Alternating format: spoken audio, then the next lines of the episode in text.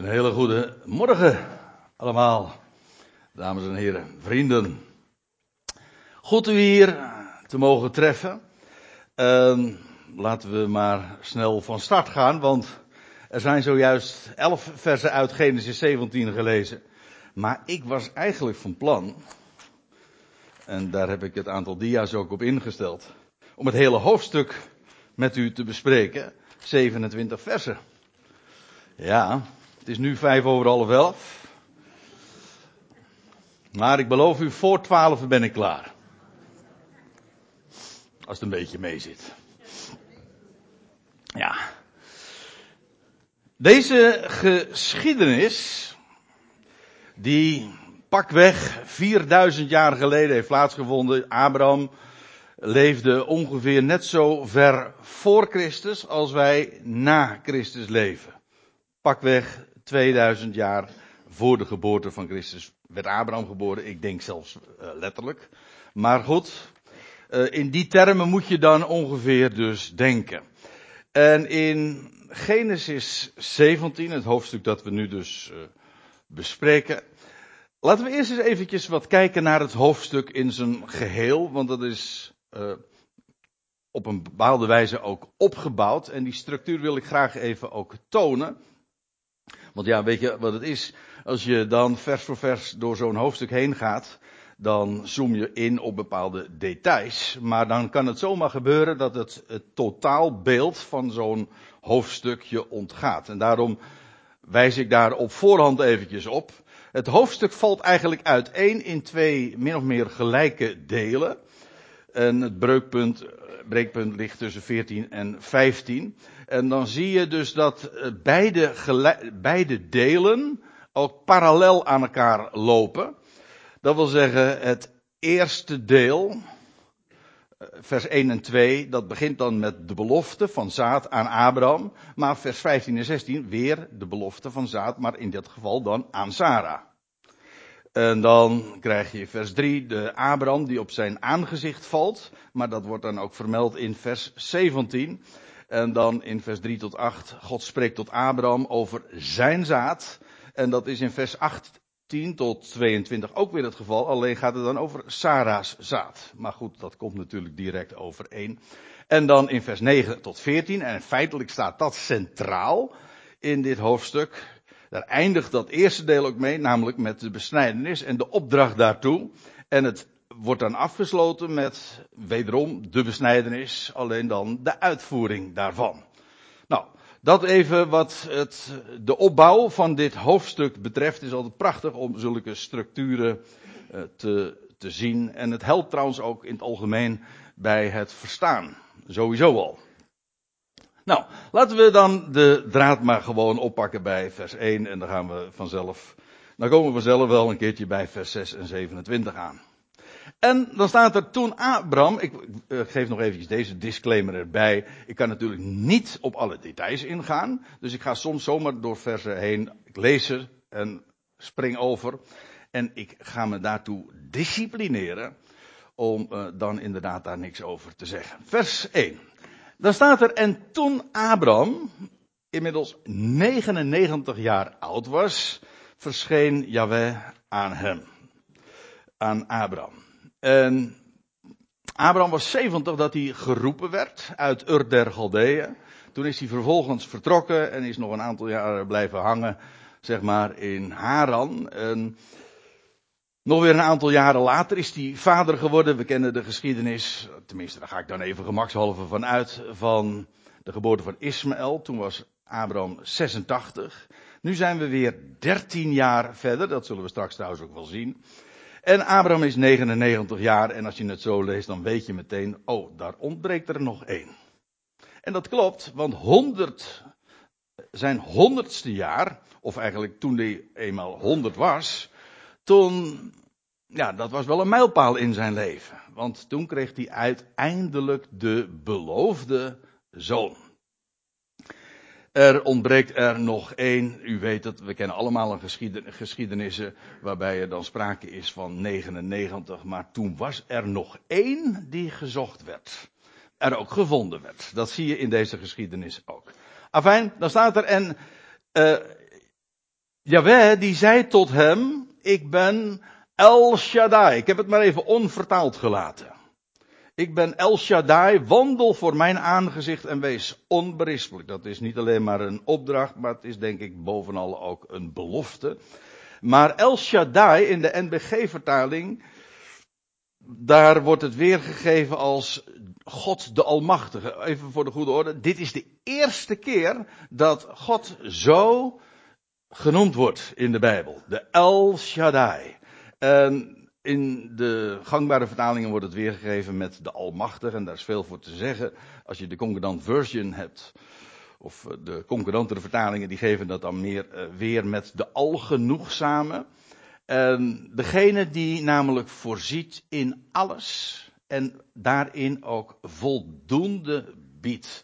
Degene die ja, voorziet in alles, maar als ik het zo zeg, ja, dan heeft dat nog weer te maken met een andere naam van God, die Abraham ook erg goed kende, namelijk Yahweh zal voorzien. Yahweh Jireh. Hij voorziet in alles. En er is niets uh, wat hij wil geven, wat hem weerhoudt, omdat hij daartoe niet in staat zou zijn.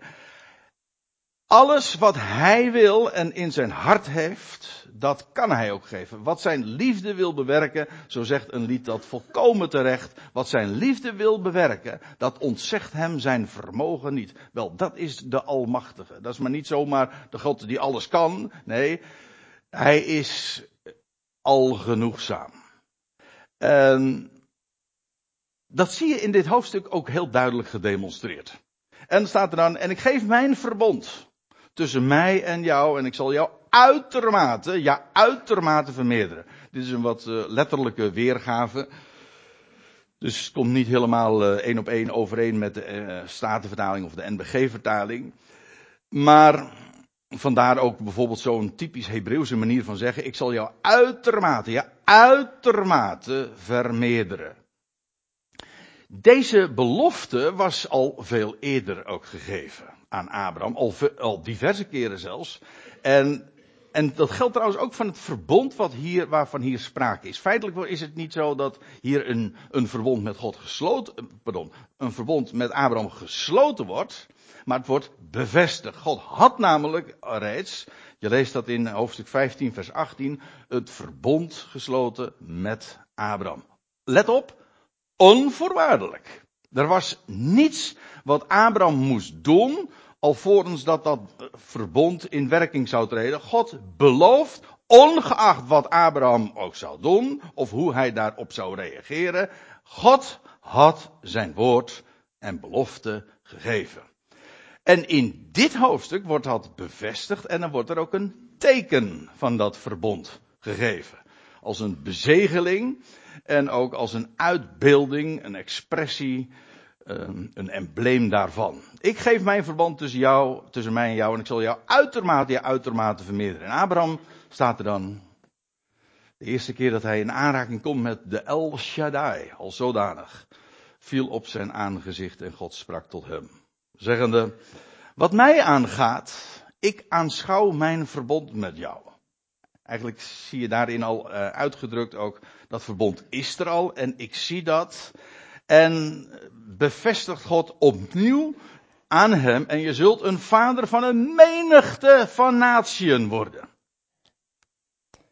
En jouw naam zal niet meer genoemd worden Abram. Dat is ook trouwens de reden waarom ik de, dat als titel aan deze toespraak heb gegeven. Abram wordt Abraham.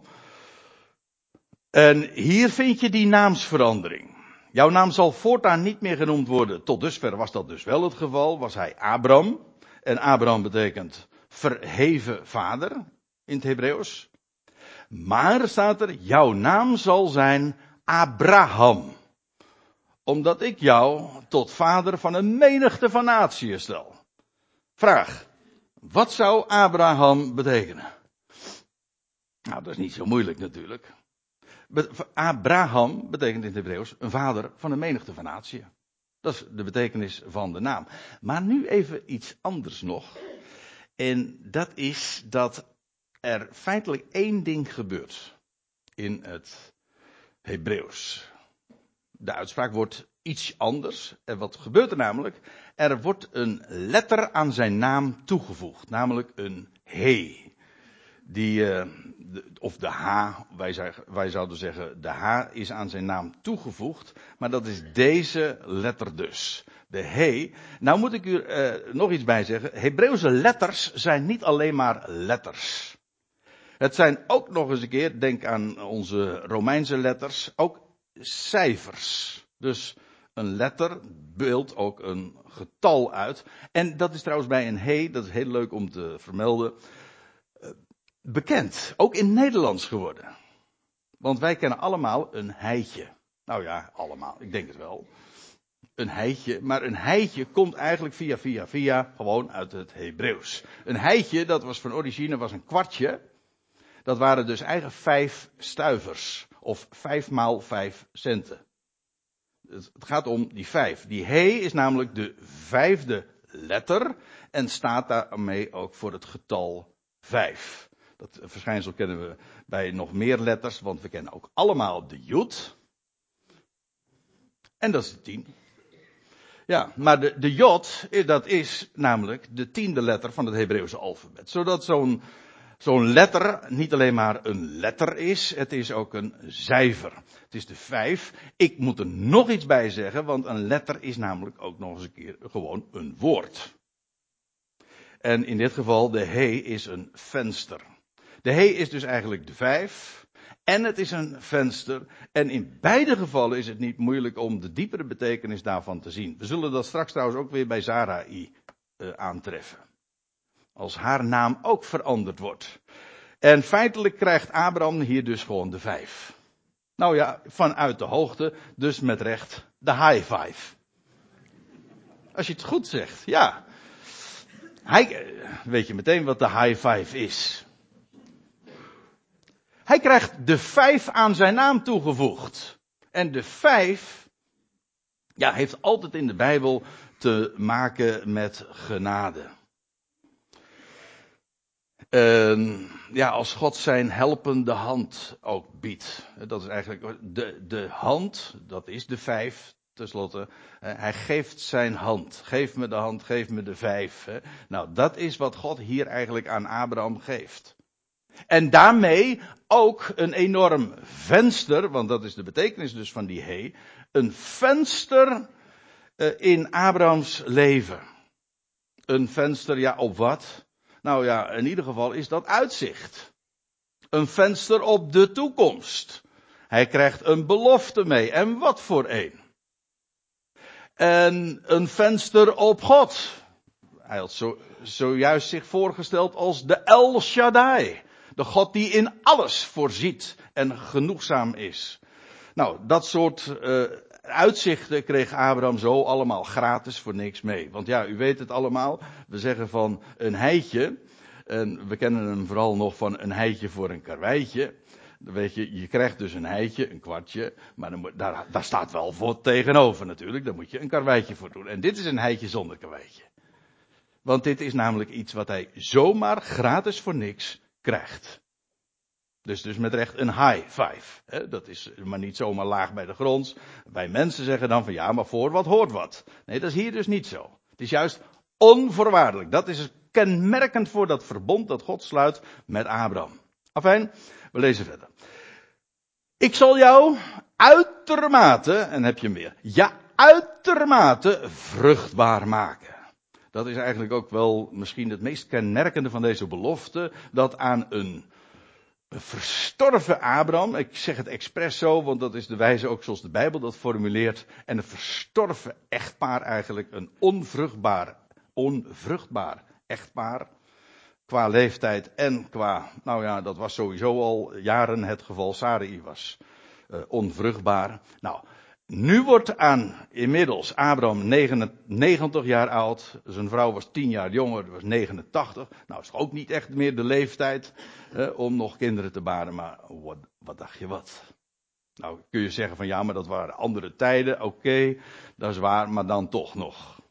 Het blijft zo, ze waren verstorven. En wat doet God? In een toestand, in een toestand van dood. En eigenlijk is dat meteen ook de essentie van de hele Bijbelse boodschap.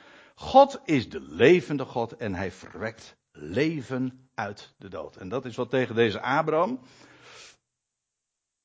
en zijn vrouw Sarah gezegd wordt. Ik zal jou uitermate vruchtbaar maken en jou stellen tot natie. En dus niet alleen maar, jij krijgt een kind. Nee, jij, uh, jij wordt een vader van een menigte natie. Nou, dat is toch uh, tamelijk lachwekkend. Uh, als je het, om niet te zeggen belachelijk. Ja, dat zou inderdaad normaal gesproken belachelijk zijn. Dat is ook precies wat mensen dan doen. Trouwens, in het algemeen met het woord van God, daar spot je mee. Ja, maar totdat je je realiseert wie er tot je spreekt en dat hij bij machten is, te realiseren dat wat hij belooft ook waargemaakt wordt. Kijk, en dan zeg ik, wie het laatst lacht, ja, die lacht het best.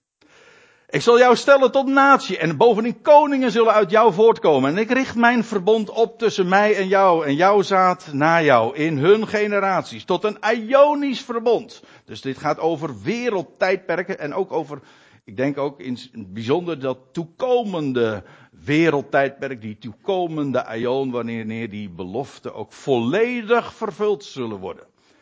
Om voor jou tot een God te zijn en voor jouw zaad na jou. En ik geef aan jou en jouw zaad na jou het land van jouw vreemdelingschap. Dat wil zeggen, jij, jij, leeft nu in tenten. Hij was eigenlijk gewoon een, een, een, een zeg maar. Uh, een steenrijk man, uh, ja, dat was Abraham. Maar hij bezat helemaal niks in dat land. En hij, kocht, hij, hij gaf er ook geen stuiver voor, geen heitje voor. Hij gaf er geen stuiver voor. Waarom niet? Omdat God het hem beloofd had. Gratis voor niks. En zijn tijd kwam wel. Trouwens, eh, een paar hoofdstukken eerder lees je al in Genesis 15 dat God tegen hem gezegd had: dat duurt nog honderden jaren. Sterker nog, 400 jaar. En, wat, en dat vind ik nou zo mooi. Als God dat zegt, dan is dat ook zo. Precies 400 jaar. En later zegt uh, Mozes in Exodus 12: op de dag nauwkeurig. Alsjeblieft. Was het 400 jaar later. Ja, 430 na zijn roeping. En toen pas gingen ze naar eh, het land van Israël en toen kregen ze het land ook ten erfdeel. Ik moet erbij zeggen, nog niet de totale vervulling, want dat wacht nog steeds. Want uiteindelijk is het het hele land van de Nijl tot aan de Uifraat dat aan het nageslag van Abraham wordt gegeven. Tot een Ionisch grondbezit, een eeuwig grondbezit en ik zal hen tot een God zijn. En God zei tot Abraham, en jij, jij zult mijn verbond in acht nemen. En jouw zaad na jou in hun generaties. Jij zult. Dat is niet dat, dat priemende of dat belastende, jij moet. Nee, jij zult. Let op, ik, ik geef het je nu al, al op een briefje. Ik beloof het jou, ik zeg het jou aan en toe. Jij zult mijn verbond in acht nemen. Mooi woord in acht nemen, want dat woord acht komen we straks weer terug. Dat is een eh, Nederlandse woordspeling, dat geef ik toe, maar hou maar even vast. Dit is mijn verbond, dat je in acht zult nemen tussen mij en jullie. En jouw zaad na jou. Al wat mannelijk is, zal besneden worden. Ja, dan moet je even toelichten tegenwoordig wat mannelijk is, want dat weten we niet meer. Hè? Nee, nou, over Nashville zult het maar niet hebben verder. Maar uh, dat is in het algemeen wel zo. Mensen zeggen van, ja, wat mannelijk is, ja, uh, dat is iets wat, uh, wat tussen je oren zit. Nou ja, nee, daar zit het niet tussen. Het is geen gevoel wat mannelijk is. Nee, het is echt gewoon een gegeven vanaf de geboorte. Objectief. En geen subjectief zoekplaatje waar je maar achter moet, zien te komen of je mannelijk bent en of in welke mate je mannelijk bent. Al dat soort uh, duistere praat dat wij dan verlichting noemen, is aan de Bijbel volstrekt vreemd. Maar wat is mannelijk? In het Hebreeuws is dat het woord sagar. En dat heeft ook een andere betekenis. Al een, is een werkwoord. En dan betekent het gedenken. We kennen trouwens ook iemand die zo heet. Namelijk Zacharia. En Zacharia betekent Yahweh gedenkt. Bijvoorbeeld dat wat hij ooit beloofd heeft. En het is ook een gedenkteken. En dat is meteen dan ook de link met dat woord mannelijk. Want eigenlijk mannelijk, het man, de mannelijkheid. Laat ik het nou maar gewoon een beetje discreet zeggen. Mannelijkheid is feitelijk een monument. Het mannelijk geslacht. Nou, daar wou ik het maar even bij laten. Uh, het is een monument, een herinneringsteken. In dit geval ook met recht. Van het mannelijk geslacht wordt een monument gemaakt. Een herinneringsteken. Dat zodra dat uh, gezien wordt, ja, hoe zeg je dat nou netjes? Uh, dat dat meteen herinnert aan de belofte die God heeft gegeven. Belofte van nieuw leven, van opstanding. Nou, laten we even verder lezen, want dat gaat dan ook nog over die besnijdenis, wat dat is. En jullie zullen besneden worden. Dat is de, wat hier, vanaf hier dus gaat uh, gebeuren, want op dezelfde dag nog gaat Abraham dat realiseren in zijn huis. Jullie zullen besneden worden. Dit teken is zo karakteristiek van Gods belofte. Jullie zullen besneden worden in het vlees van jullie voorhuid. En dat betekent dus zonder, uh, nou ja, dat al te zeer uit te gaan beelden. Dat, la, laten we het gewoon zo zeggen. De bedekking wordt weggenomen. De voorhuid, dat is inderdaad een bedekking.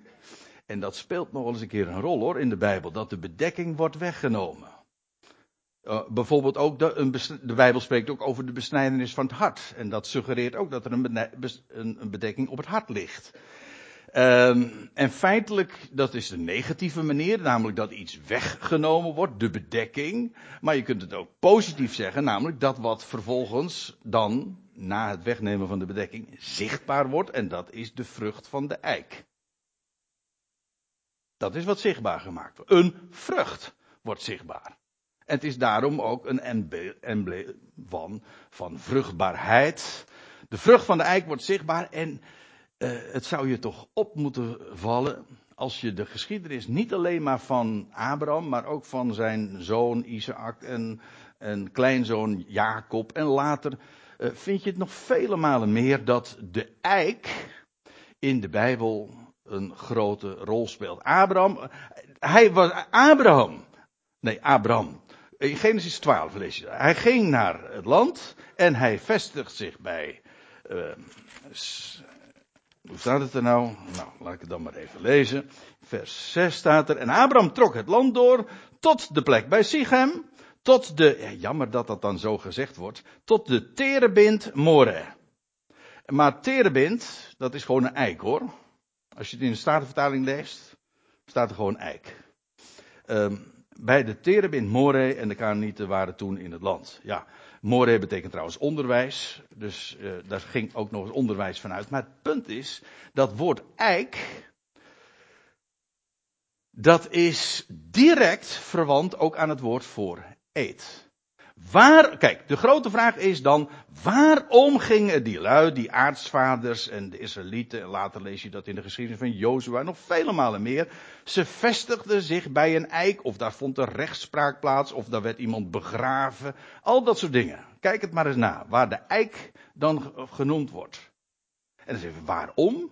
Nou, een eik is namelijk een embleem van de eed, of de belofte die God gegeven heeft. Het woord namelijk voor eed, is direct verwant aan het woord voor eik. Dus een eik herinnert aan de eed die God zwoer.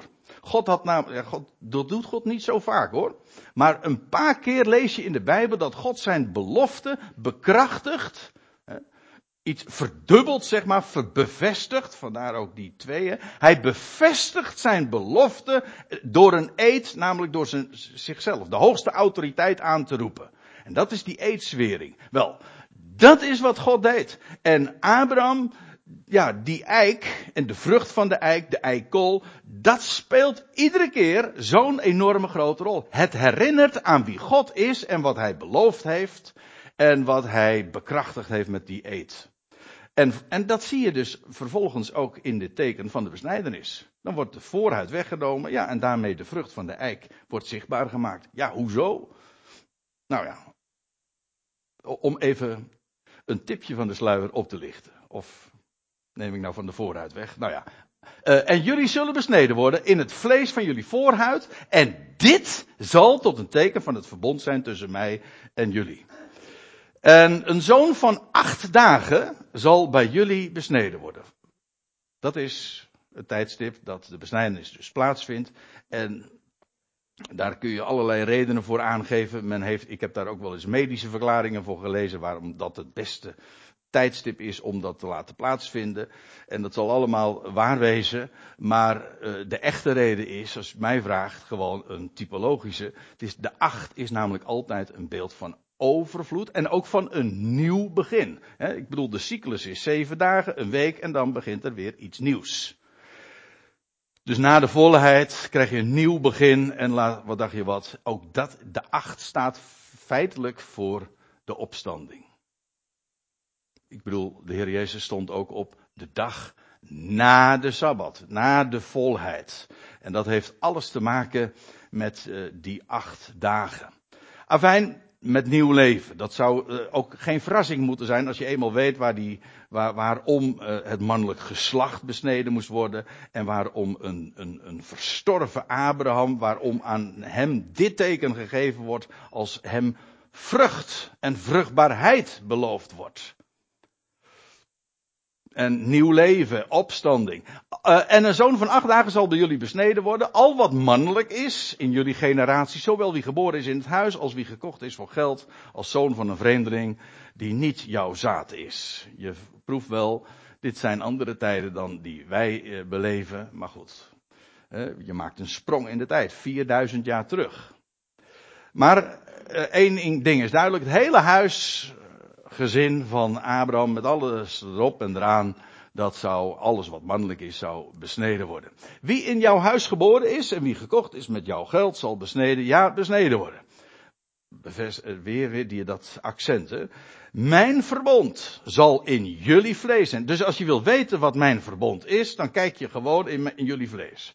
Dus er wordt een directe relatie gelegd tussen dat wat er plaatsvindt en hier ingesteld wordt, en wat God, ja, dat contract, als ik het zo mag zeggen, die, dat verbond dat God sluit met Abraham. Tot een Ionisch verbond. Dat gaat alle generaties door en tot op de dag van vandaag gebeurt dat. Onder het nageslacht van Abraham. Dat is ook precies de bedoeling. Dat uh, is ook wat het meest uh, kenmerkend is van het volk. Neem dat niet van hen af, want daarmee ontneem je hen ook hun identiteit. En al wat vers, ik lees verder, en wat, al wat onbesneden mannelijk is, waarvan het vlees van zijn voorhuid niet wordt besneden dus, die ziel zal worden afgesneden, staat in de, en de meeste vertalingen staat uitgeroeid. Um, dat kan best de gedachte zijn, maar er staat letterlijk afgesneden. Uh, in principe hoeft dat helemaal niet eens een uitroeiing te zijn, maar in ieder geval afgesneden. Dus het is eigenlijk, je wordt of besneden of afgesneden. Ja. Want dat is het woord wat hier eigenlijk gebruikt wordt. Die woordspeling ook. Die ziel zal worden afgesneden uit zijn volksgenoten. Hij doet mijn verbond niet. En dus hoor je dus feitelijk dus ook niet bij dat volk. En dus word je daar, ja, uh, exit. Dat is, daar hoor je er niet bij. Dus dat is het meest karakteristieke van dat, uh, van dat huis van Abraham. En, en alles wat uh, daarbij hoort. En God zei tot Abraham. Nee, sorry, nou moet ik het wel goed zeggen, want zijn naam was inmiddels veranderd. Hè. Zei tot Abraham. Sarai, jouw vrouw, jij zal haar naam niet Sarai noemen. Dat betekent vorstelijk, prinses. Want Sarah zal haar naam zijn. Nou is dat in het Hebreeuws eigenlijk nauwelijks een verschil, ook qua betekenis. Men zegt dan van ja, het ene is vorstelijk, het andere is vorstin. Maar die betekenissen liggen heel dicht bij elkaar. Maar wat ook hier aan de orde is, is niet zozeer dat de betekenis van haar naam verandert, als wel dat bij haar naam hetzelfde gebeurt als wat ook gebeurde bij Abrahams naam. Namelijk, er werd een, hij kreeg Of zij kreeg ook de high five, precies. Want Sarai, die Jud, dus dat is die laatste letter, die wordt vervangen door een he. Hoe was het vroeger ook alweer, wat, uh, wat, wat je op de radio of de tv hoorde van Veronica, voor een Jood zit je goed. Nou, uh, dus niet. Zij kreeg namelijk, de Jood werd vervangen door een he. En hier zie je dus exact hetzelfde fe uh, fenomeen. Ook zij krijgt dat venster aan haar naam toegevoegd. De vijf. Van Gods genade. En van het uitzicht wat hij biedt in zijn belofte. En ik zal haar zegenen. En ook geef ik uit haar aan jou een zoon. Let op, de, de, het accent ligt op uit haar. Want ik, kan jou wel een zoon, ik had jou al een zoon gegeven, maar ik geef uit haar jou een, aan jou een zoon. En ik zegen haar.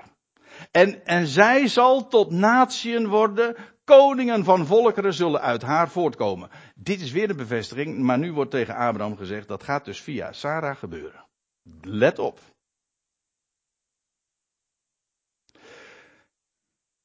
En ook hier weer dat, dat uh, de belofte, de voorzegging. Er wordt niet gezegd van wat ze zouden moeten doen, maar gewoon wat gaat gebeuren. Ik vind dat zo geweldig. Dat is, dat is ook precies wat het evangelie tot evangelie maakt. En een grote verschil ook met religie, die zegt tegen de mens van dit en dat en dat moet jij doen en dan komt het allemaal goed. Volstrekt haak staat de Bijbel daarop. En dat is gewoon een, een mededeling, een bericht, een goed bericht. Dit ben jij. Zo heet jij. Dat is jouw identiteit. En zo zal het gaan. No matter what. Zo zal het gaan. En je kunt hoog springen, je kunt laag springen, je kunt er tegen zijn, je kunt belachelijk maken. Maakt allemaal niks uit. Zo zal het gaan. Kijk, daar kun je, dat geeft houvast.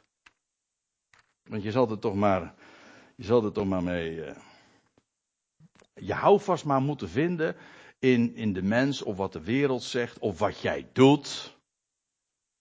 Dat vindt een mens, dat, daar zak je toch doorheen.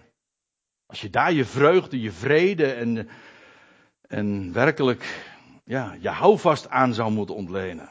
Nee, God zegt, zo gaat het. En dat, dat, dat was tegen Abraham, Abraham gezegd en tegen Sarah nu net zo. En Abraham, ja, wat gebeurt er dan? Abraham is daar zo diep van onder de indruk. En wederom viel hij op zijn aangezicht. Hij lachte. Ha, hij lachte. En weet je wat hier in het Hebreeuws staat? Yitzchak. Zal ik het op zijn Nederlands zeggen? Gewoon Isaac. Hier staat al gewoon, in het Hebreeuws staat hier gewoon de naam van Isaac. En zo, zo zou zijn zoon dus gaan heten en haar zoon. Lachen. Kijk, ik zei net, eh, Gods woord is zo uniek. Waarom? Ja, het geeft werkelijk geeft lucht. Het geeft lucht zodat je lacht. Ja. Het, het geeft, het, en dat is dat de venster ook, waardoor ineens licht in de duisternis straalt. Niets wordt van de mens verwacht. Hij geeft de vijf van omhoog, ja, de high five. Het komt van, van boven naar beneden, top down. Niet van, van onderaf. En Abraham lachte. Natuurlijk, dit, je kunt het op alle mogelijke manieren uitleggen, want in feite was het gewoon lachwekkend voor hem. Misschien zelfs eh, belachelijk, want stel je voor dat Abraham en Sarah bij de gynaecoloog liepen of op het ziekenhuis. En die zal ongetwijfeld, die zou dan inderdaad gezegd hebben van, ben je helemaal Abraham en Sarah? Hm? En geef ze eens ongelijk, natuurlijk. Dat is ook zo. Probeer dat ook niet acceptabel te maken. Zo van, ja, nee, maar we kunnen dit wetenschappelijk allemaal best wel verklaren. nee, dat in, die, in die sfeer ligt het niet. Maar God, ja, dat is in zijn woord. Hij, de wijsheid van de wereld is voor hem dwaasheid. Hij trekt gewoon een lange neus. En hier, en Abraham viel op zijn aangezicht en hij lachte. En zei in zijn hart, en daar zie je, ja, aan de ene kant ook de, ver, nou, de verbijstering. Want ja, wij kennen natuurlijk de afloop van het verhaal. Maar dan sta je niet eigenlijk fris. Dan luister je niet eigenlijk fris, want dan. Want je hebt de afloop al in gedachten. Maar je moet even voorstellen, deze man is 99, met al zijn ervaring enzovoort, zijn verleden. Die krijgt nou deze mededeling. En hij zei in zijn hart, zal aan een 100-jarige een kind worden geboren? En zou Sarah, een 90-jarige, baren? Want ja, dat is inmiddels een jaar verder dan natuurlijk. Hè? Dat, dat kan toch niet.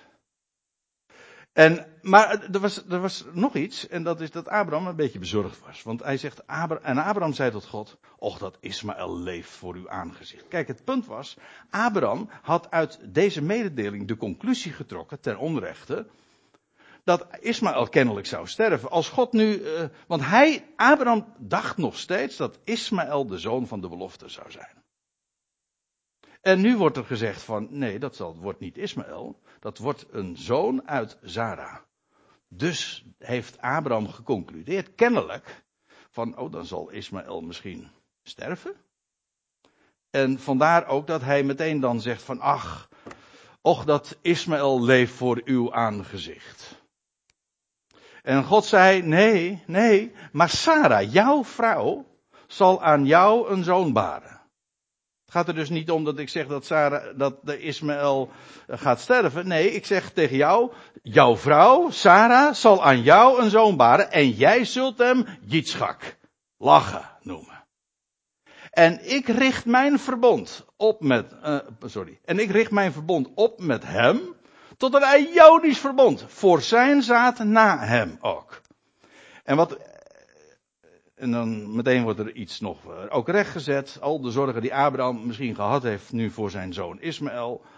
En wat Ismaël betreft, ik heb je gehoord. Aanschouw, ik zegen hem ook. Zo, daarbovenop nog eens een keer. Zegen boven zegen. Wonder boven wonder. Ja. Aanschouw, ik zegen hem, ik maak hem vruchtbaar. Ja, ook dus. En vermeerder hem bovendien uitermate, ja uitermate. Hij zal twaalf vorsten verwekken. Leuk trouwens, dat ook eh, niet alleen via Isaac, en, en Jacob het getal twaalf zo'n grote rol gaat spelen, maar ook bij, via Ismaël. Hij zal twaalf vorsten verwekken. Ze worden later ook in hoofdstuk 25 genoemd. Jongens. Dat allemaal ook weer stamvaders worden van volkeren. En ik maak hem tot een grote natie. En mijn verbond zal ik oprichten met Isaac. Dat is wel. De lijn gaat niet via Ismaël. Dat was natuurlijk een noodgreep van Abraham. Die dacht dat hij God een handje. Kijk, dat heb je dat weer. Hè? Die dacht dat hij God een handje moest helpen. En als je dat denkt. Dat denken een heleboel mensen vandaag ook nog. Dan zit je dat verkeerd. Het heeft heel wat ellende ook opgeleverd hoor, dat is mijn vraag. Dat als je die hele verhaal, dat hele verhaal van Ismaël. Want je zou het hele Midden-Oosten conflict kunnen terugbrengen tot het conflict tussen Ismaël en Isaac. Ja. Nou, dat is allemaal dankzij dat Abraham God een handje meende te moeten helpen. Laat dit een waarschuwing zijn. en, en mijn verbond zal ik oprichten met Isaac, die Sarah aan jou zal baren op deze gezette tijd in het andere jaar. Dat wil zeggen, over precies een jaar gaat dat gebeuren. Is Zara de moeder van een zoon. Waarvan ik je naam je inmiddels heb uh, verteld. Isaac, Yitzchak. Lachen. En hij eindigde te spreken tot hem en God ging op van Abraham. Dat wil zeggen, ja, hij ging op, hij steeg op. Dit was het verhaal. Dan mag je het doen. En Abraham nam Ismaël, zijn zoon, en alle die in zijn huis geboren waren en alle die voor zijn geld gekocht waren, alle mannelijke stervelingen, in Abrahams huis en hij besneed in het huis, in het, hij besneed in het vlees van hun voorhuid in diezelfde dag, zoals God dat hem gesproken had. Dus precies, exact diezelfde dag realiseert Abraham alles wat uh, gezegd was. En Abraham was, maar dat wisten we al, 99 jaar oud toen het vlees van zijn voorhuid werd besneden. En Ismaël, zijn zoon, was 13 jaar oud. Nou, je hoeft geen rekenwonder te zijn om dan te concluderen dat Abraham dus 86 jaar oud was toen Ismaël geboren werd. En dat was dus 16 jaar na zijn roeping in Ur. Zo kun je dus een hele chronologie maken van het leven van Abraham. Dat is niet zo moeilijk. Ismaël, zijn zoon, was 13 jaar oud toen het vlees van zijn voorhuid werd besneden. En dat is nou zo opvallend, want dit is tot op de dag van vandaag in de islam, en ik hoop dat u de anagram hoort met Ismaël. Dat is tot op vandaag de leeftijd dat jongens binnen die wereld, de Arabische wereld, de islamitische volkeren, besneden worden. Als 13 zijn. Er zit nog wat meer aan vast. Het is na, na de twaalf. Nou ja. Maar in ieder geval, het is opmerkelijk. Want uh, het is natuurlijk niet een exclusief Israëlitisch gebruik. Want ook onder de Arabische volkeren is het uh, nog steeds gebruikelijk. Alleen dan op latere leeftijd. Ismaël was 13 jaar oud toen het vlees van zijn voorhuid werd besneden. Het is niet zo een vast gegeven. Maar dit is zo de leeftijd. Als, ze, als een jongen een man wordt, dan worden ze besneden. Dat was met Ismaël het geval. En, eh, en, nu duizenden jaren later is dat nog steeds het geval. In diezelfde dag werden Abraham en zijn zoon Ismaël besneden. En zo, zo zijn we toch nog bij het einde gekomen, zeg. En dat voor twaalf. En wat je in dit hoofdstuk ziet gedemonstreerd is dit. God is de El Shaddai. Hij belooft. Want houd dit nu even vast. We hebben nu een geschiedenis gelezen, een oude geschiedenis, maar God heeft een plan. Met deze hele wereld, want vergis je niet, als God Abraham uitzoekt en, en zijn zaad, dan is dat niet omdat de rest van de wereld hem niet interesseert. Dat is wel het, klassieke theologische idee bij uitverkiezing. Eh, God kiest jou uit en dat betekent dat de rest naar de hel gaat. Dat is een dramatisch idee natuurlijk. Staat ook haaks op alles wat in de Bijbel staat. Maar het is precies tegenovergesteld. God koos Abraham uit, opdat via hem alle geslachten van de aardbodem gezegend zouden worden. Dat wil zeggen, God denkt globaal. God heeft de hele wereld op het oog. En Abraham werd uitgekozen dat was een, voorrecht, maar je zou ook kunnen zeggen van, nou ja, het was ook een, een, een zware belasting. Want het is niet altijd een lolletje om uitverkoren te zijn. Om via Abraham heel de wereld te gaan zegenen. Dus wat God feitelijk doet, hij kiest een kanaal uit via wie hij de zegen gaat verspreiden. En dat is vandaag geen feite nog steeds zo. Als je mag geloven, dan is dat niet omdat je dat je alleen maar omdat jou een voorrecht deel valt. Maar dat is opdat, opdat jij een instrument zou zijn. Opdat het licht en de zegen, of hoe je het ook maar noemen wilt, zijn woord via jou tot de ander zou komen. That's it. Dat is een groot voorrecht, dat weet ik. Maar het is opdat je gebruikt zou kunnen worden, een instrument bent in zijn handen. En God beloofde. Hij had zich in de aanvang aange, uh, zichzelf voorgesteld als de El Shaddai. Met de absolute garantie dat hij vervult wat hij belooft. En door de generaties heen gaat hij dit ook realiseren. En wat zeg ik eigenlijk? Heeft hij dit in feite al gerealiseerd? De zoon van de belofte is gekomen. En ik hoop dat u begrijpt over wie ik het dan heb, met allemaal hoofdletters. De zoon van Abraham. Zo begint het Nieuwe Testament ook heel triomfantelijk. Het geslachtsregister van Jezus Christus, de zoon van Abraham. Staat er dan. En de zoon van David. Maar de zoon. In hem gaat God zijn belofte vervullen. Leven uit de dood. Leven dat sterker is dan de dood. Feitelijk die hele besnijdenis en dat embleem en dat God door uh, een verstorven, uh, een impotente Abraham en een Abraham en Sarah die niet in staat waren vrucht voor te brengen. God zegt, daardoor ga ik leven tot stand brengen. En zo wordt de dood overwonnen en uiteindelijk volledig teniet gedaan. En zo komt de zegen uiteindelijk bij elk mensenkind, bij elk schepsel terecht. Kijk, dat is nou het goede bericht. Dat is de blijde tijding die God de El Shaddai voor ons heeft. Zullen we het daarbij laten voor vanmorgen?